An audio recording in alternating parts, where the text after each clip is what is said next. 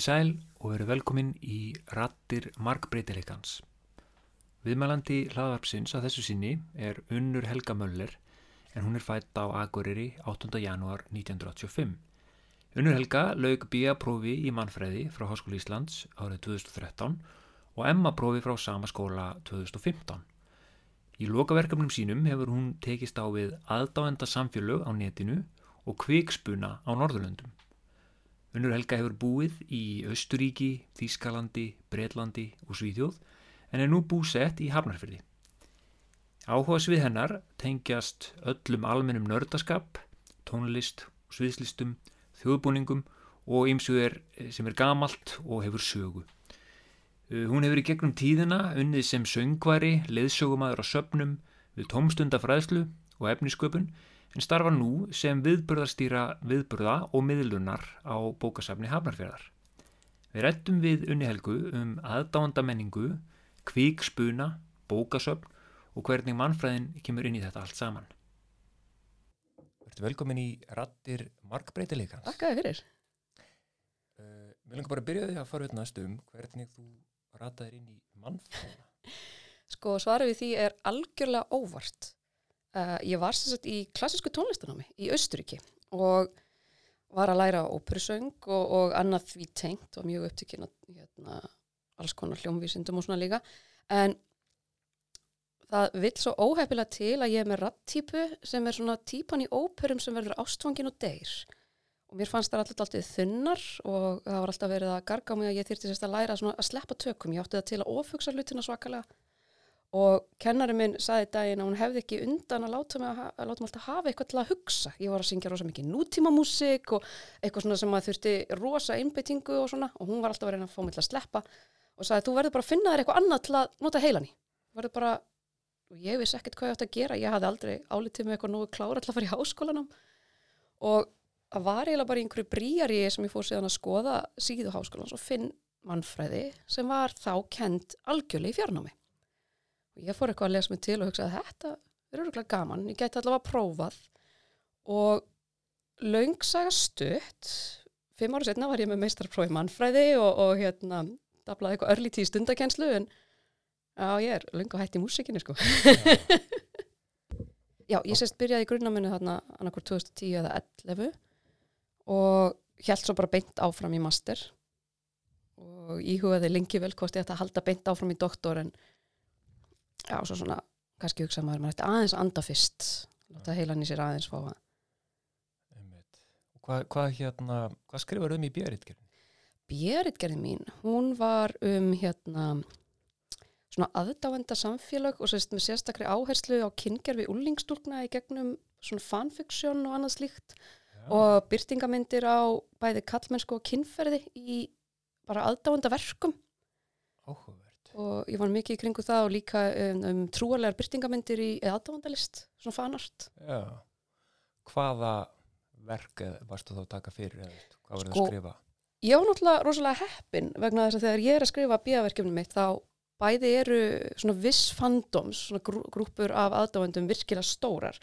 Um, það eru náttúrulega þessi, þessi stóru fandoms sem hafa alltaf verið tilfinnst manni eins og Star Trek, Star Wars náttúrulega mjög stort líka. Um, þó að trekkararnir séu náttúrulega í sí, miklum sérflokki sem fangrúpa. En ég einbitaði mér örlítið að Harry Potter vegna þess að það var mjög stort á þeim tíma og það var mjög mikið af, af mismunandi típum af kallmennsku í Harry Potter sem að sá að voru byrtist á eitt máta í bók og bíómynd og allt annan máta síðan í, í, í aðdóndaverkum Já. og svo var ég svo heppin að Avengers kom akkurat út þarna. Já. Þannig að ég fekk allt í hennu bara holskeplu af aðdóndaverkum sem var mjög gaman að skoða og vinna með Áhugavert. svo voru svona önnur fandom sem komu kannski stórin voru náttúrulega þeir sem voru á þeim tíma það eru Sherlock, það er hérna uh, Dr. Who náttúrulega og Supernatural þessi sem eru, hvað er þetta að segja svona mjög einkennandi fyrir marga kvennkins aðdáandur í formi af sérst, einhvers konar romantík eða öru slíku og síðan alltaf með áherslu á vissu liti á slagsfiksjón og er, er þetta fleiri, er þetta frekar konur sem eru að skrifa þetta fanfiksjón? Sko það er rosa erfitt að svara því. Það var náttúrulega ekki 100% það sem ég var að skoða en það virðist allavega í dag vera meiri hluti konur. Það var ekki alveg eins eftir því sem ég skilst áður en að þessar stóru, stóru deilisíður komu inn eins og, eins og hérna Archive for Own, fanfiction.net og það allt saman. Um, það sem var svo auðvelt að skrifa fanfic og koma því út. Það var miklu auðveldara. Einu sinni var þetta þannig að þú þurftir að eldast við þetta allt saman. Og þar varstu með svo, svo sífan sem var mjög fyndið, það voru sérst comic book fans. Og þar voru alltaf bara curated galleri þannig einhver ákvað kannski ég ætla að vera með síðu sem er bara með fanfiction sem er bara fyrir þessa personu eða þetta par. Og þeir bara völdu inn og svo var kannski þeirra litla bókasapn látið inn á aðra síðu sem var svona eins og í rauninni bókasapn fyrir undirsíðunar Þannig að þá var maður í raunin að horfa á efni sem var bara, já það var editerað og bara virkilega flott og mikið af, bara afskaplega mikið af mjög góðum pennum sem voru þar og ja. fóru bara síðan að skrifa svona eigin bækur. Ja. Gott dæmi er náttúrulega Alicia McKenzie sem fór síðan að vinna fyrir uh, Marvel. Cassandra Clare sem er búin að vera að gefa bækur alveg á miljón og Peter Jackson gerði bíómynd eftir. Hún skrifaði mjög fyndin fannbalk sem heitir The Secret Diaries of Lord of the Rings og ég mæli sterklega með. Ég, hérna ég er, það eru ekki langt síðan ég heyrði af þessu svona slass uh, fiksjón eða þessum slass kultúr sem að, sem að hérna uh, ég heyrði bara ekki um Star Trek Erstu trekki? Ég, ég er, er trekkari, já og hérna uh, hérna, þar, þar heyrði þetta og, og einhver staðar las ég að upphaflega þú leður eitt með ef ég fyrir mér ámál að þetta slas komið af því að það byrjaði það var K skástrygg S Körk og Spock já, já, já, já. Okay, þannig, þannig að það er uppurinn af, af þessu, þessu orði slas, slas culture uh, að þessi, þetta romantíska samband milli Körk og Spock aðalpersonuna í Star Trek að einum aðal sem aðdáðandur runni. Já, sjá eða sjá einhver tegnum í, í þáttunum og expanda svo, útvika mm. Já, þetta er alltaf mjög margar uh, kenningar um slagsfiksjón en það sem ég hallast langsalega mest að og mér fannst það litið sanna sig þegar ég var að gera þetta og ég fór að gera svona aðeins tölfræði. Slagsfiksjón gerist sérstaklega mikið þú ert með aðtiklisverða karlpersonu sem er að gera fullt af hlutum og sínu fórsendum og engar kvennpersonu sem er að gera það Já ef að vegna þess að það er bara þannig að þú ert með einhverja frábæra kallpersonu sem er bara mjög skemmtileg og hvern personan er í grunninn bara hennar aðal mer, aðalsmerki, hennar eini karakter er að hún er kona og hún gerir svona konu hluti í sögunni yeah. og hún segir svona konu hluti í sögunni yeah. Hún er manneskjan sem kemur og segir æ nei, mittiru þig? Og hún gerir svo ekkert nema bara hún, hún bara heldur ekki í. Þá kemur þessi hugmynd af hverju ætti einstaklingur sem er karakter og búið það miklum tíma í og byggja upp og er aðtiklisverður mm -hmm. af hverju ætti sá einstaklingur eitthvað að sjá í einhverjum sem er ekki meðnitt karakter? Já. og þar að leiðandi leitast í annan karakter. Og þá er í rauninni hugmyndin um, um kynferði eða, eða kyn karaktersins sama hvort það er, er sko einhver leiti biologist eða ákveða hvað sem er það er bara látt til hliðar. Þetta er í rauninni fyrir mér, það sem ég sé slasfjöksjón sem mest er þetta miklu meira byggt á svona personuleika rómans. Já. og þess vegna til dæmis Körk og Spokk eh, frábær dæmi. Menn að þannig ertu með tvo mjög sterka karaktera, þeir eru með mjög spesifíska hegðun hvorum sig. Mm -hmm. þeir eru náttúrulega vissulegt til skrifaður upprunnulega til að bæði spegla og vera í andstöðu við hvernig annan. Þetta er frábært samband. Mm. Og á meðan höfum við voru afskaplega litlu að velja kannski á kvenliðin að nema svona karakterin sem kom í þessari viku og er heitgemvera ja. vondakonan sem kemur svona reglulega alltaf inn, hún er stundum sexy og stundum ekki. Og svo Uhura ja. sem er náttúrulega stórkostleg og hérna ég er rosa hrifin af, af spokk Uhura ja. en, en það er svona grunn hugmyndin og náið samband sem sé að þráast út í eitthvað meira Sherlock er rosa gott að með það sérstaklega nýja útgáan Já.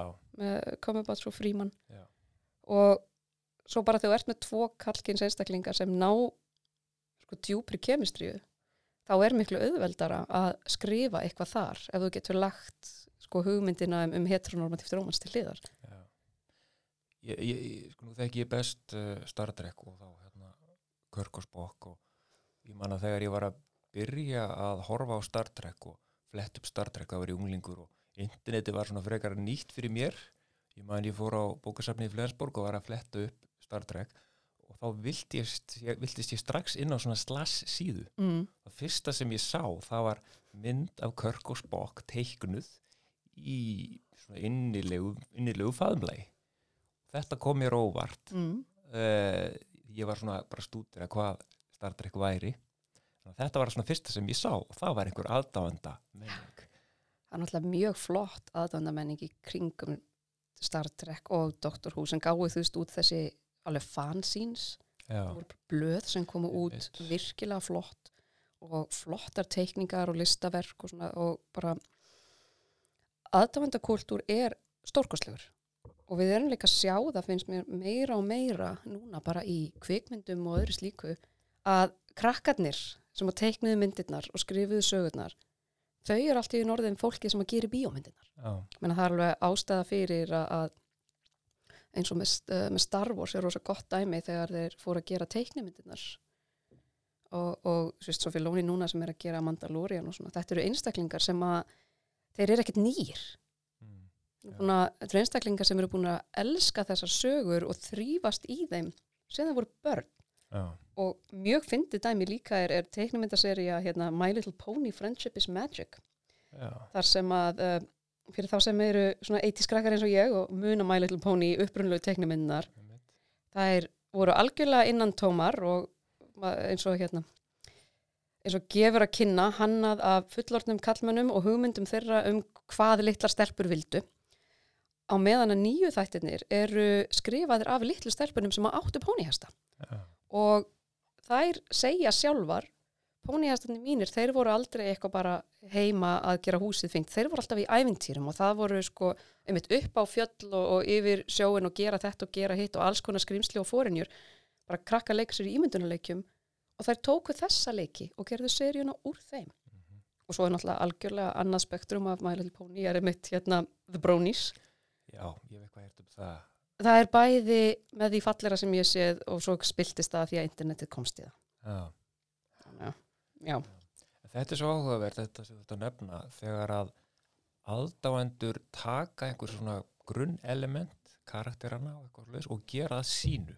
Spinna út frá því, út frá sínu áhugasviði að það sem finnst hvort kannski vanta eða taka eitthvað lengra eima eitthvað ákveði element. Mm. eins og til dæmis, sorry ég fyrir alltaf í Körk og Spock. Auðvitað. Uh, því þeir þeir áttu mjög fallega vináttu og það er bara svona brómans og þú veist, eftirminnilega atriða sem að þeir, þú veist, játa hvora öðrum vináttu sína Já, sem var Eh. skemmtilega líka snúið síðan í bíómyndinni já, Ah. í, í hérna kelvin tímalínu Já, já, já. einmitt uh, þannig að þetta finnst mér svo áhugavert hvernig aðdáendur bara svona gera það sínu uh, taka sér þetta leifi og, og, og þróa áfram þannig er komin kultur þannig er komin uh, bara sér menning sem sp- spinnst út frá. Og þetta er líka alltaf spurning sko hver á söguna? Já, vegna þess að þegar að, að hópur er búin að taka hana og gera hana algjörlega sínu þá og sér og les í hana og er með bara viðteknar hugmyndir innan síns aðdáðanda samfélags um hvað er rétt. Sko hvenar er það í rauninni sem að, að upprunalegi eigandin eða höfundurinn er að vissuleiti búin að missa alla stjórn. Og rosalega gott dæmi er náttúrulega bara, er Harry Potter. Já, ég meina J.K. Rowling er nú ekki í, í aðal kannski uppáhaldi hjá jafnvel fólkinu sem að eru hörðustu Potterheads. En á svona sama máta er mjög gaman að sjá hvað eru viðtekin gildi hjá þeir og líka hvernig sá fandom hefur breyst með til dæmis bara umræðin í samfélaginu um hvað er í lægi, hvað er ekki í lægi uh, hvernig MeToo-hreyfingin hefða sér hvernig við erum farin að- ræða uh, gjörður og tóksist sambönd. Og við förum frá því að, svona, að viðtekki norm í, samfélaginu, aðdándasamfélaginu er að Severus Snape sé algjör hetja yfir í að allt sem hann gerði hafði ekki rétt á sér. Þetta er ekki eðlileg hegðun hjá fullundum einstaklingi.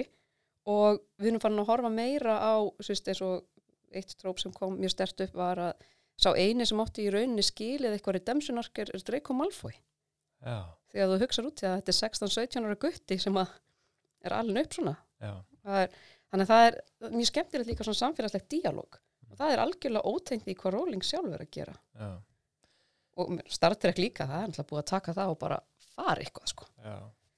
Þetta er líka bara alltaf eins og kannski poststruktúralistarnir voru að hérna, fara með Derrida og fleiri. Bara Mm. þegar að hérna, þegar að þú ert búin að skrifa texta þá öðlast hann rauninni sitt líf eða og, og texta er hans að skilja í samingi við eitthvað annað og, og allar þessar hérna, pælingar. Þannig að einmitt, eins og þú segir með, með hver á söguna. Glatar höfundurinn sögunni þegar hún orðin, þegar hún er byrt eða, eða valdinu yfir því. Já, svo er þetta líka komið með annað flækjustig, ekki bara þessari hugmynd heldur, þú ert með aðdáðandarsamfélag og sérstaklega þegar þú ert með efni sem er kannski búið að fá fleiri en eina byrtingamynd. Einmitt, eins og í Star Trek við erum með sko originalseríun og svo koma allar hinar. Og svo koma kvikmyndirnar. Og þetta er veist, Marvel eins, Marvel höndlaði þetta til dæmis með því að segja bara að þetta er allt rétt. Og svo fekk, allt bara númer. Bara þetta er heimur veist, 616 og þetta Já. er heimur númer þetta og númer hitt. Og það er bara opið, ef þið langar að gera eitthvað nýtt fara bara nýtt númer, einmitt. þannig að þá er þetta líka komið ennþá lengra frá upprunalega textanum og er orðin algjör samvegn, Mm. Þar sem hugmyndin um eina stefnu Já, er bara farin út um gluggan já. já, þetta er mjög áhugavert sko, multiverse og, og, og Mm. hérna, já, samhliða heimar og reyndar Star Trek reyndar já, tók rosalega vel á því. Já, það var líka aðlándur voru svolítið reyðir þegar að komu nýjar myndir sem að breyttu sögunni, þannig að kalla hvað Kelvin tímalínan. Og þá var það útskipt sem önnur tímalína þannig að þær geta verið til báðar, Já, báðar eiga, eiga rétt á sér. Eh, þannig að já, þe- þe- þetta er mitt, þetta er mjög áveru punkti með hérna, hvernig aðlándur eru, líka að hafa áhrif á uh, rytninguna, ef við getum kallað Mm. mm. það, heilugu rytninguna, kanon. kanon er bara rosa viðkvæmt orð, finnst mér því að veist, það er alltaf hvað er kanon Já. og fólk getur endalust rifist yfir því vegna þess að tveir einstaklingar lesa með þína heilugu reikningu og mynda sér algjörlega mismunandi skoðanir og það á við um alla aðdáendahópa sama hvort það tengist Star Trek eða biblíunni Já, einmitt. því að þetta er bara einstaklingurinn sem les er alltaf sá sem myndir sér skoðun eða myndir svo vorum að ræða Já. en svo er það líka svona pínu tendans uh, ég veit ekki hvort að aðdáðandur átti sig á því að þeir verða alveg jafn reyðir og, og þeir sem að trúa á eldri innan gæsalappa ritt Mm. þegar að einhver túlkar það eins og þeir vilja ekki túlka það Já. og stundum verður það mjög aggressíft og mjög slæmt og rosalega góð dæmi Mér fannst reyndar Star Trek eh, fólkið haga sér bara mjög ágætlega ef við byrjum til dæmis saman við bara hegðun uh, Star Wars aðdáfanda upp á sigastið. En það er líka eitthvað sem er mjög gaman að skoða því að við sjáum líka að það kemur alltaf þetta bakslag Mm. og svo svona sættist fólk einhvern veginn við það eða virðist átta sig á því Já. að skoðun annara var í lægi um, með Star Wars einmitt nú kom hérna uh, önnur myndin í nýju trilógíunni hvað heitir hún aftur? Uh, The, The Last Jedi uh, eftir Ryan Johnson. Það var allt vittlust enda braut hann rosalega mörg norm sem mjög margir sérstaklega eldri aðdáðandur áttu mjög erfitt með að sætta sig við. Allt í hennu var Logi Gimkingill ekki ósigrandi og indislegur og frábær. Mm. hann var bara breyskur eins og allir hinnir og búin að loka sér þarna af á einhverju eyðei og eitthvað fólki fannst það ekki við hæfi sem ég finnst mjög fyndið vegna að þetta er það sem Obi-Wan gerði og þetta er líka það sem Jóta gerði. Þannig að finnst mjög eðlilegt að hann hafi gert þetta líka. En það var allt vittlust svo sjáum við núna að fólk er farið að stíga fram og segja, nei veistu þetta var flott mynd. Það var cool að hann tók aðra stefnu. Mm. það var cool að vondikallin innan gæsalappa stóð upp og sagði, mér er alveg sama um Jedi og Sith. Það skiptir ekki máli lengur. Já. sem hann alltaf gerði marga alveg brjálaða en svo má líka ræða með þessar myndir hvort að Adam Driver þjáist að verkjum í baki eftir að hafa borið þessa seríu sko. en Já, þetta er hérna, mitt eftir í hug líka bara eins og þegar það, er feminisma, þú veist, það er oft kemur og feministar koma og, og, og slengi einhverju fram Mm. og það verður, uh, já, ágæði bakslag eða, eða mótmæli en um leið er verið að útvíka mörkin og eftir einhver tíma þá verður þetta kannski að normi, það sem var rosalega rótægt já, já. á ákveðnum tíma uh, þurfum við bara tíma til að melta og átt okkur á og samþykja Já, algjörlega. Um, Star Wars má eiga það að þau hafa verið mjög dugleg að, að gefa konum pláss og gefa konum pláss ekki sem konum heldur sem ævintýrapersonum. Það er oft talað um þennan sterka kvennkarakter en við gleymum því stundum að, að þegar þú ert með eitthvað sem er ósköp svart hvít og í grunninn frekar einfalt eins og Star Wars þá, þá þarf ekki endilega sko hugmyndin um hinn sterka kvennkarakter þarf ekki að snúast um að hún sé sterkur kvennkarakter hann snýst um að þetta er ævintýrapersona Já. og ég persónulega upplifði mér leið eins og ég var í áttara þegar ég fór á hérna fyrstu myndina í nýju trilogíunni Já, bara það að það var stelpa að gera þetta allt saman. Ég var alveg með stjörnur í augunum. Mm. vegna þess að nú gæt maður talið bókstallega á fingrum annara handar hvar maður sá þessar ævintýrafíkurur uh, sem kvenkins. Það voru til sterkar kvenpersonur svona eins og þú veist, Ellen Ripley í Alien og eitthvað svona. En það var allt ætlað eldra fólki, það var ekki þessi svona fyrir litlu krakkan eins og maður segir. Nei, og ég var obsessed með, með hérna Gina Davis í Cutthroat Island ef að fólk mann eftir. Þeirri snill, já, hún fekk rosalega lélega dóm og ég er ósamálað um öllum, ég fannst hún indisleg hún er náttúrulega síns tíma en Já, bara það og Star Wars fær alveg svona minn bónus en á sama tíma náttúrulega komum við alltaf til með að allavega í einhver ári viðbót að díla við það að þeir sem eru með mesta stjórn yfir nýja efninu og eru innan stúdíóna eru kannski ekki hópur sem er að innbytta sér að in, inclusivity svona þannig já einmitt. Það er aðeins komið í Star Trek núna með Discovery þáttunum. Já, Það eru að standa sig vel sko. Þau eru líka bætu fyrir ímislegt sem að Já. hefði mátt koma fyrr inn í Star Trek. Já, sem er Ah. samt fyndið því að Star Trek er einmitt stóð sig ótrúlega vel. Menna fyrsti interracial cossin til Já. dæmis, þeir eru búin að vera bara mjög, þeir voru mjög framalega menna Gene Roddenberry var merkilegu maður. Já, humanisti og, og svona.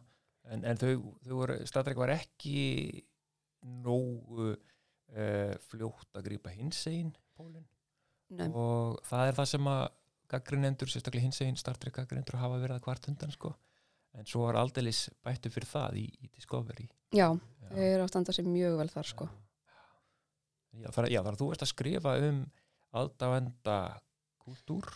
Já, í bjöðinu, svo, svo tók ég sko allt annan pól í hæðina, ég var búin að vera öll online og ég var mikið í sko digital pakkanum og digital mannfræði tölvuleikjum, allir allt það, uh, mitt líkanlega byrtingamyndir, kynferðslega hæðin og netinu, um, það allt saman. Svo þegar ég fór í masterinn þá einhvern veginn svona slefti ég þessi digital og snýri mér algjörlega við og ég fór og skoðaði kvikspuna. LARP, Live Action Já. Role Playing Games og ég hérna fekk styrk pakkaði mér onni í tösku, flög til Svítjóðar og 24 tímum síðar var ég komin í galla út í skó og ég hafði aldrei gert þetta áður og ég vissi ekkert hvað ég var að gera Já. en þetta var upphafið alveg að einhverju stórkostlegu sko. Já. Sem sagt að uh, LARP, eða- hvað, hvað er íslensk orðið sem þú notaðir? Uh, ég er náttúrulega kvikspunni Kvíkspunni. Já. því að það er, það er talað um spunaspil sem er eins og D.O.D. sem standur sem Dragons og það allt saman og þetta er náttúrulega bara spunni en það, hann er lifandi, hann er, þetta er kvikspunni Já. Þannig að fólk fer í búninga og setur sér okkur í hlutverk og, og já, leikur. Já. Uh, já, bardaga eða einhver, einhver, einhver Bara- aðstæður. algjörlega eftir því sem fólki dettur í hug það eru Já. margir mismunandi skólar það eru hluti af þessu sko krossar næstum því yfir í leiklist Já. þó að náttúrulega frum, að forsenda, frumforsenda þess að þetta sé kvikspunni en ekki leikrit Já.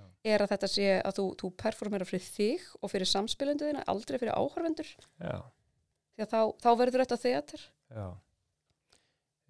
Nú, nú erum við stödd í Hafnarfyrði uh, og erum að hérna, spjalla saman þar uh, ge, e, hérna Víkingaklúburinn hérna í Hafnarfyrði hvernig myndur við tengist það eitthvað þessu Nei, engan veginn. Um, það er sögulega endursköpun. Sögulega endurskup Já. já, Það er alveg annað batteri. já, Þeir eru ekki að búa sér til personur eða vinni því að segja sögu eða eitthvað þannig. Um, það er verið að upphefja bara gamalt handverk. Mm. Það er verið að upphefja sérst, viðhald á leikjum og öðru slíku sem að voru eh, leiknir og spilaðir já, og það er alveg annar kapitölu út af fyrir sig og mjög aðtiklisverður kapitali engar, engar síður vegna þess að sko, hugmyndin um, um, um, um eitt sögulega endursköpun og þar leðandi lifandi sögu inn á söpnum og annað slíkt er bara ótrúlega stórt og það er mjög skemmtileg umræða í gangi í kringum slíkt til dæmis í bandaríkunum þar sem við erum farin að sjá svart fólk í auknum mæli stíga upp bara sem sagfræðinga og upphefja hluti sem að, að söpn hafa lengi vel í bandaríkunum svona, já, fundist betra að sópa undir teppið. Og mjög skemmtilegar umræður sem hafa spunnist, það er ein hérna sem heldur út í afskaplega skemmtilegur síðu sem heitir Not Your Mama's History. Og ég mæli með henn, hún er alveg frábær, uh, hún sem sagt fer á milli staða og leikur. Bókstala, hún fer inn á safnið til að vera einstaklingur innan þess tíma í, í handbragði, í matargerð og öðru. Og þegar hún er að ræða sko hvernig fólk bregst við henni því að hún bara sem sagfræðingur er náttúrulega að einbytta sér að ég hafi þetta sem er réttast og hún skrifaði mjög merkilega grein sem var um hversu oft fólk um, já, fólki fannst það knúið til að spurja hana af hverju hún brost ekki meðan hún var að þessu og maður svona, Já. þú stoppar og hugsar í meira en þrjá sekundur þá ég, ég veit ekki með þig en ég er náttúrulega í fyrsta lagi ekki brosand út af eirum þegar ég er að vinna erfið eldhústörf Nei. og væri það kannski enn síður ef ég væri í félagsleiri aðstæðu sem þessi kona er að, að endurskapa Einmitt. og þá er þetta sko sagan í höndunum á fólki Já. hún er virk, hún er Já. sjáanleg. Þannig að, já, þannig að þú, uh, þú, skrifar svo, svo meistarreitgerð upp úr rannsókninni, er já, já, ég var í Svíþjóð um, sérst Í, Eh, í búning út í skói?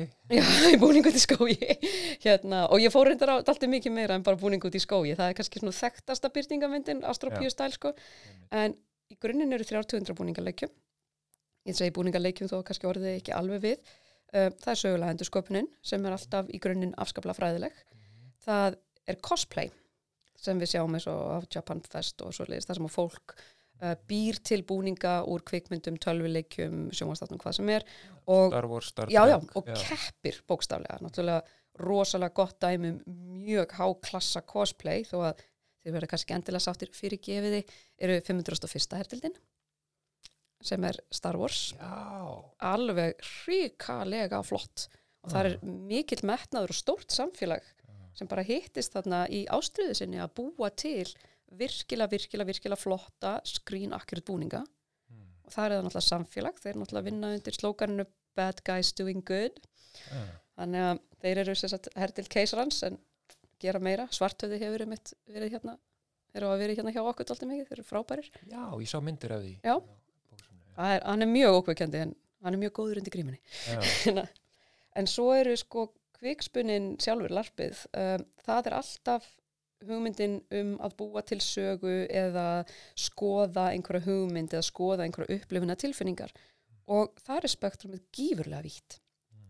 Við erum með allt frá það sem maður kallar svona þekktust útgáfuna sem er bara staðlað fantasíularp. Bara fólk er að dressa sig upp þetta er bara, einmitt, Dungeons and Dragons nefn í alvörunni Mm. Svo erum við með eins og Nordic LARP skólan sem er uh, ekki byggður á regluverki per se heldur, eða mjög abstrakt regluverki og skoðar mjög ofta einhverja staka tilfinningar eða samfélagslega álitamál eða einhvern erfiðar aðstæður eða eitthvað þannig eða eitthvað algjörlega abstrakt. Uh, svo erum við freeform, svo er skóli sem reyndar held ég er alveg horfið núna sem heiti, er kallað jeepform sem er extrem experimental og þetta er eitthvað sem er algengt í Skandinavíu fríformlarping er náttúrulega til allstaðar um, og það er bara það spannar þetta allt. Það er Star Trek larp og það er Star Wars larp og það er Firefly og, og bara það sem þetta dettur í hug, það stoppar þig ekkert. Mm. þú getur gert hvað þú vilt. Já. það eina í rauninni sem að stoppar fólk stöku sinnum er að hafa ekki hugmyndaflugið. Um, það eru stór og mikið larpstúdíó til Erlendis.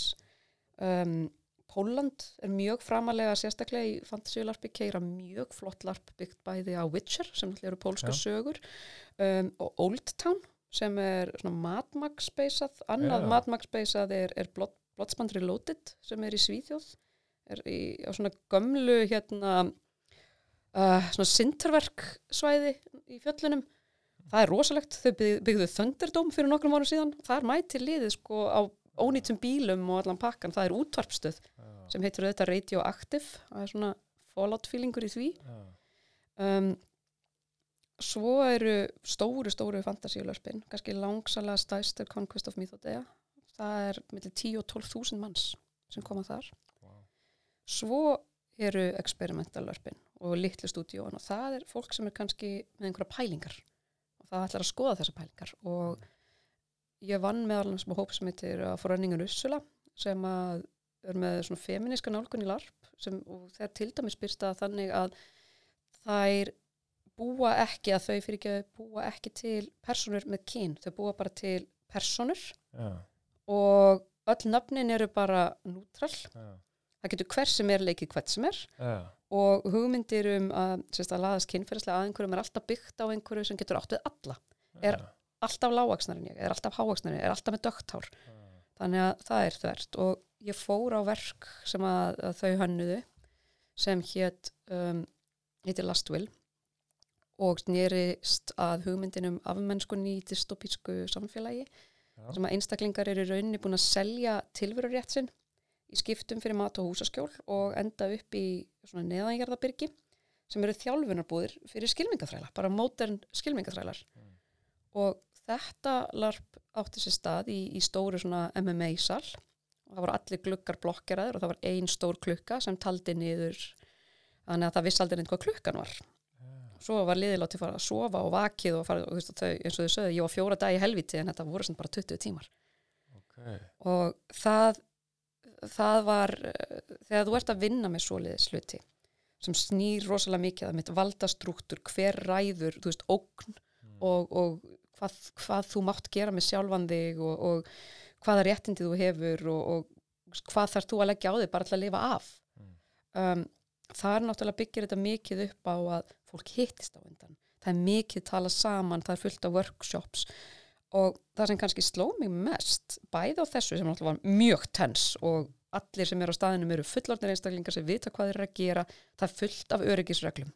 Þannig að allir séu öryggir og allir passa þessi fólki mjög meðvitað með hvort annað um, og svo eins uh, einmitt út í skógi uh, Harry Potter larp var eitt sem ég fór á það var gífurlega gaman það er að gegnumgangandi þema í öllu larpi sem ég hef umgengist og nú vil ég taka fram að ég hef aðalega verið í Skandinavíu er tröst Mm. fólk treystir, þú treystir hinum til að meiða þig ekki og þeir treysta sí, uh, þér til að passa upp á þá það eru allir rosa passa samir upp á hvern annan það er mikil blíða, það er mikil empathía Mm. Og sko ég minni rannsóknum gífurlegt magna viðtölum og annað slíkt þá var gegnum gangandi að þeir sem að hafa verið í þessu töluðu alltaf um ég á auðveldara með að skilja aðra ég á auðveldara með að setja mig í spór annara ég hef upplifað snertingu af einhverju og núna get ég ímyndað mér hvernig það er.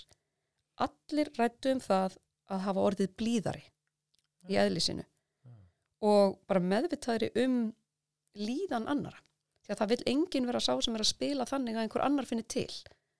Þannig að þó að sé verið að spila eitthvað sem er rosalega erfitt kannski þá eru allir einhvern veginn meðvitaðir um að passa samleikaran og það er fyndið að segja að ég er líka búin að læra að það er miklu auðveldur að láta lemja sig heldur en að lemja.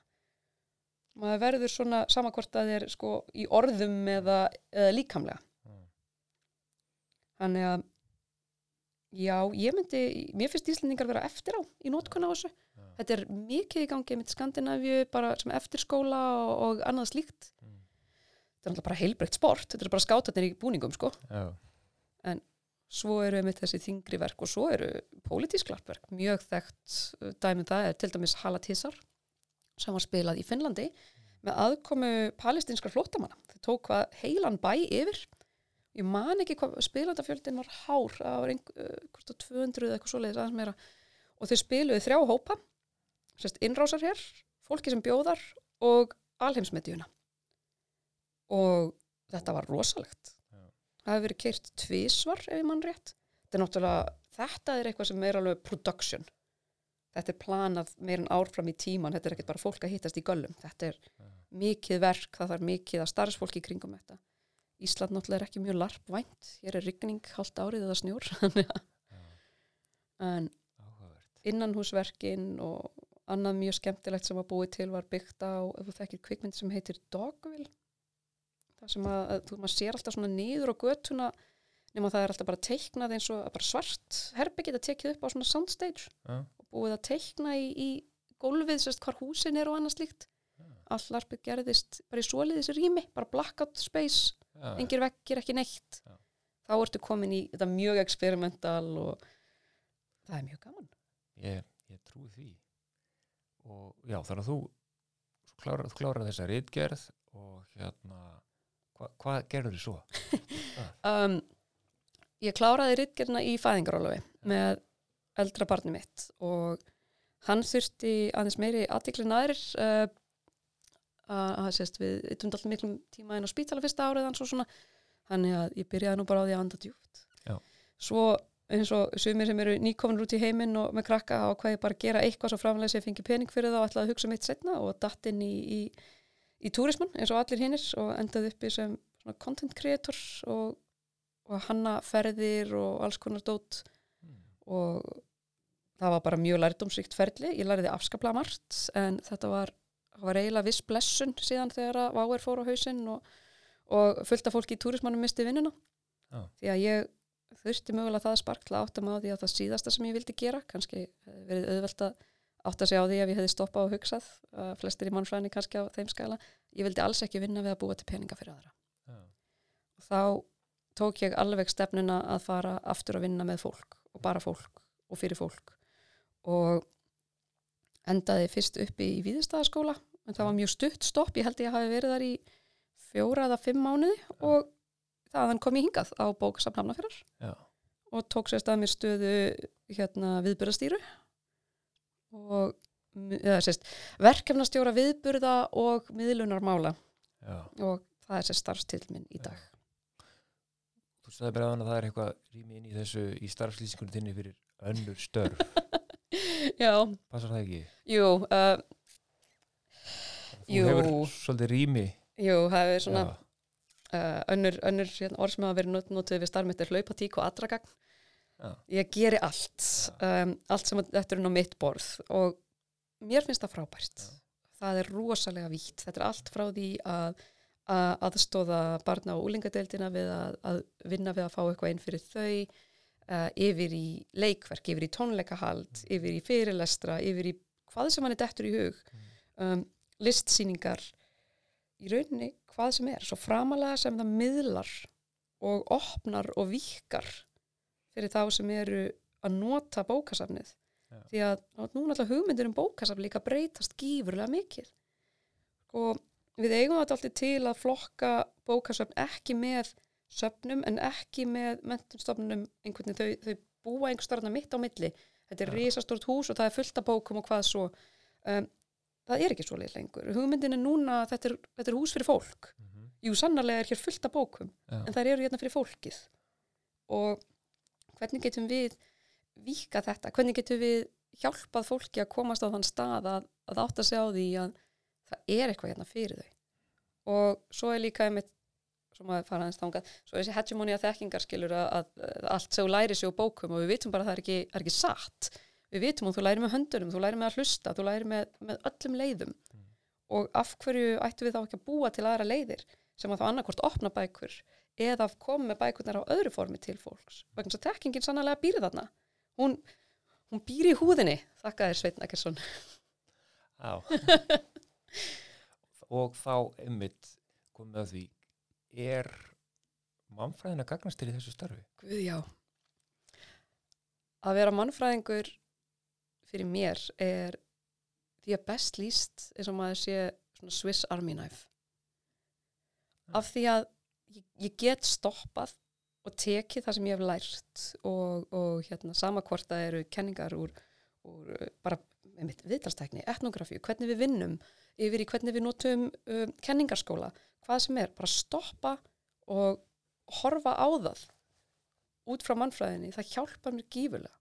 Það hjálpar mér líka rosalega að hvað mannfræðin er sko rosalega opinn.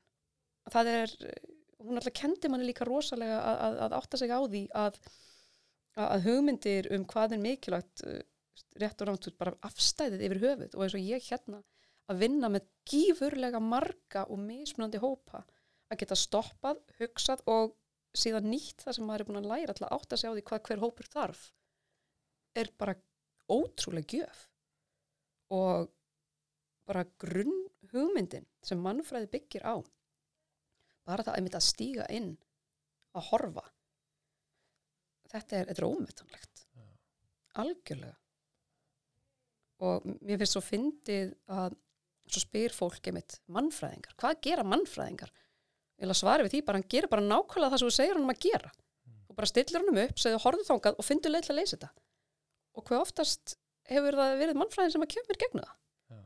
það er eitt félagið minn orðað það skemmtilega sko, þú tekur bara mannfræðing lætur vandamál fyrir framann sparkar hann út í laugin og gargar syndu og hann er líklegastur til að synda sko. já, að tekur hann smá stund svo svona áttur hann sig á það hann er búin að vera í vatninu já, tekur smá etnografi á því og svo bara syndir hann á stað já. Þú talar um svona svistneskan vasanhýf uh, Þetta þá vísi í þetta hérna tóla kistuna, já, já, með, nýf og skærum Já. og naglaklippum og vasaljósi og, þannig að ef ég skilri þá mannfrækurinn hann komin út í djúbulauðina og þarf þá að stoppa og hugsa hvaða tól þarf ég að nota, hvaða glerugu þegar ég sitt upp. já, og hann tekur í runni út vannfræði kistuna sína og í þessu tilfelli dregur hann upp froskafitt sem hann fann einhverstaðar. Já, já, hann lærði þau einhverstaðar. Já. Áhugavert.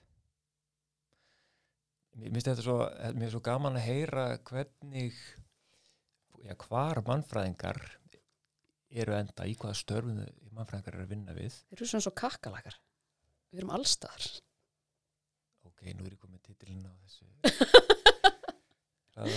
Segir all svona.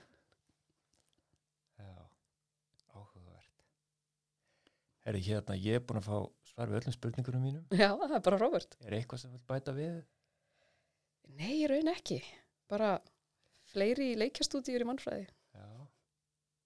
Frábært. Við, við erum búin að kofera mikið, við erum búin að fara inn á uh, aðdáenda hva, skaldskap eða já, uh, uh, kvíkspuna, uh, bókasöfn og já, mannfræðin sem svissneskur vasanhýfur. já. Það er, er ímislegt svo, svo er reyndar rosa gott með þeim eitt aðdáðandasögurnar að ég er alveg að græða á því að hafa skrifað það. Það er alltaf þetta vandamál hvernig fáum úlinga inn á bókasöfnin og Já, núna erum við með mjög gott safna nördum hérna sem að geta rætt þessa hluti og það verðist vera að fá inn krakkana sko. Það er, það er æðislegt. Ég hef einmitt séð hérna, hvað teiknumyndasögursafnið ykkar hérna. já, við erum með mjög ágætt uh, safna af myndasögum sko. Já, svo reyndar ættu líka bara fleiri að lesa myndasögur. Ég hérna mér finnst alltaf svo skrítið að fólk einhvern veginn hugsa um myndasögur sem eitthvað fyrir börn og það þekkir ekki eins og þessi stórkoslu verk uh, Más náttúrulega eftir Spíglumann, algjörlega hæst. Já, Palestine eftir Joe Sacco, hún er líka alveg frábær. Uh, Persepolis báðarbækurnar og það er svona, Íslendingar eru dáltið þverir oft við Já. að prófa eitthvað nýtt. Já, og við erum líka rosalega þver að, að sjá skilaboð í einhverju sem er ekki nákvæmlega eins og við ímyndum okkur framsetningu þess. Og það er einmitt líka sem tengist kannski bæði aðdóndarsamfélögum og svo einmitt kvikspuna. Mm, kvikspunni reyndar hefur fengið mikla aðtekla upp á síðkastið, mikið á, bæði sjónvastáttum og, og útvarsviðtölum og annað slíkt. En það er ennþá, var lengi vel um, hort á partin sem gerir þetta skrítið frekar en partin sem gerir þetta jákvætt. Já, og það er svona, ég hef tekið eftir því samt að upp síðustu þrjú, fjögur ár hefur öðrun minkaður lítið gagvart þessu Mm.